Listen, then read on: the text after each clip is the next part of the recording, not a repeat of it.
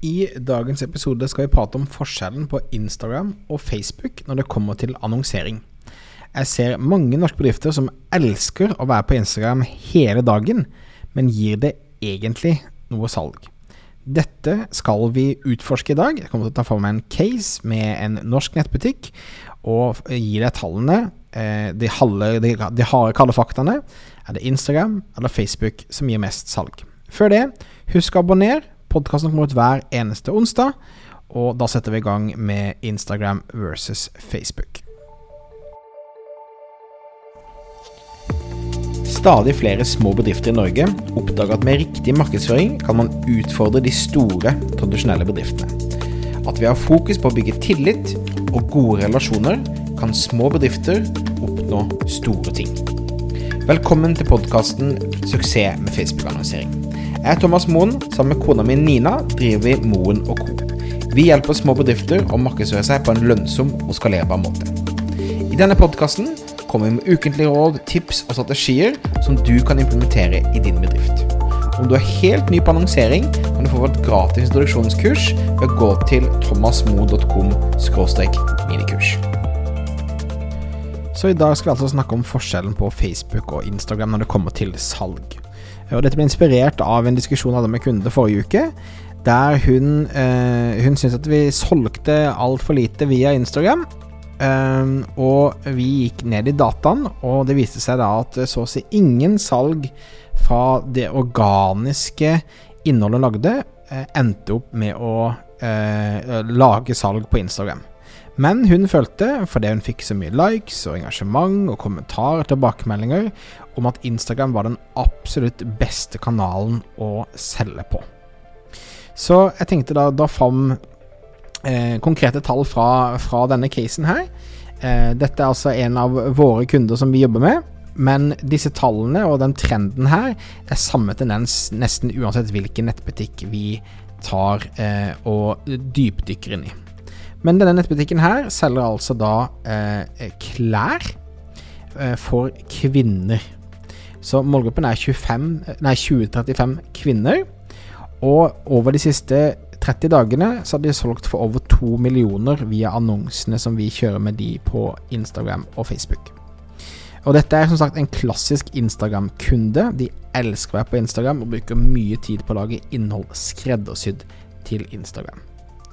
Um, så da vi gikk inn og så på en, en typisk kampanje, og her vil jeg også påpeke at uh, i denne kampanjen så optimaliserer Facebook da for å få mest mulig salg uavhengig av kanal. Så Facebook velger til enhver tid ut hvilken kanal som vil gi mest salg. Og Hvis vi ser da på antall salg siste 30 dagene, så hadde Instagram gitt 172 salg, og Facebook hadde gitt 844 salg.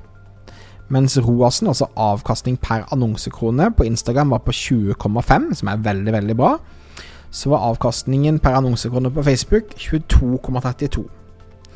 Så med andre ord så har Facebook som plassering stått for en vesentlig større volum av salg og bedre avkastning eh, per annonsekrone brukt. Så altså det motsatte av måte, hva kunden eh, hadde magefølelsen av, av fordi at man fikk da mye mer tilbakemeldinger på, eh, på Instagram-postene som de hadde. Eh, og eh, når vi da gikk dypere inn og så på Google Analytics, hvor du kan da se ikke bare hva slags salg som er generert via Facebook-annonsering, men også via eh, organisk og direkte trafikk og e-post og andre ting, så eh, kom heller ikke salgene derfra fra Instagram organisk. Instagram lå på syvendeplass, og en av de absolutt beste plasseringene var faktisk e-postene som de da sendte ut. Så budskapet mitt i dag er at mange gründere eh, føler at eh, alle deres kunder gjør akkurat sånn som de gjør.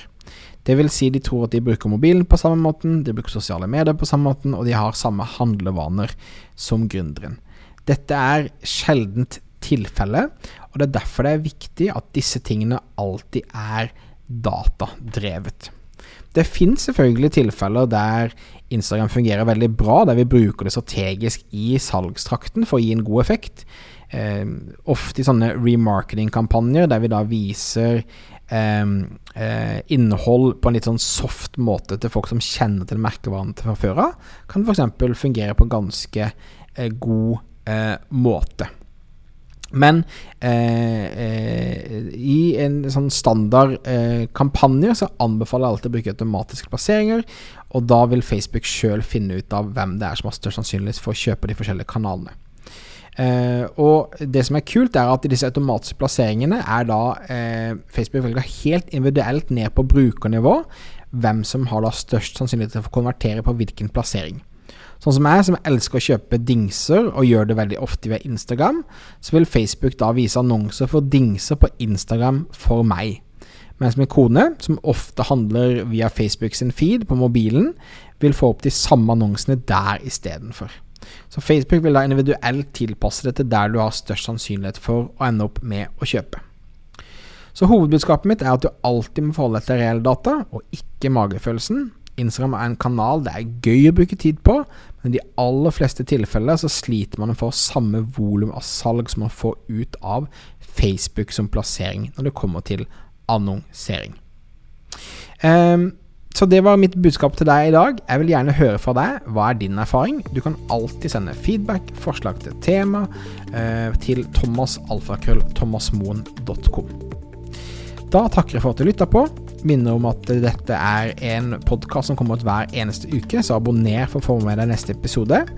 Og ønsker du å få hjelp til å lykkes med markedsføringen din, så anbefaler jeg å besøke moenco.no for å komme i gang. Vi høres igjen neste uke. Ha det fint.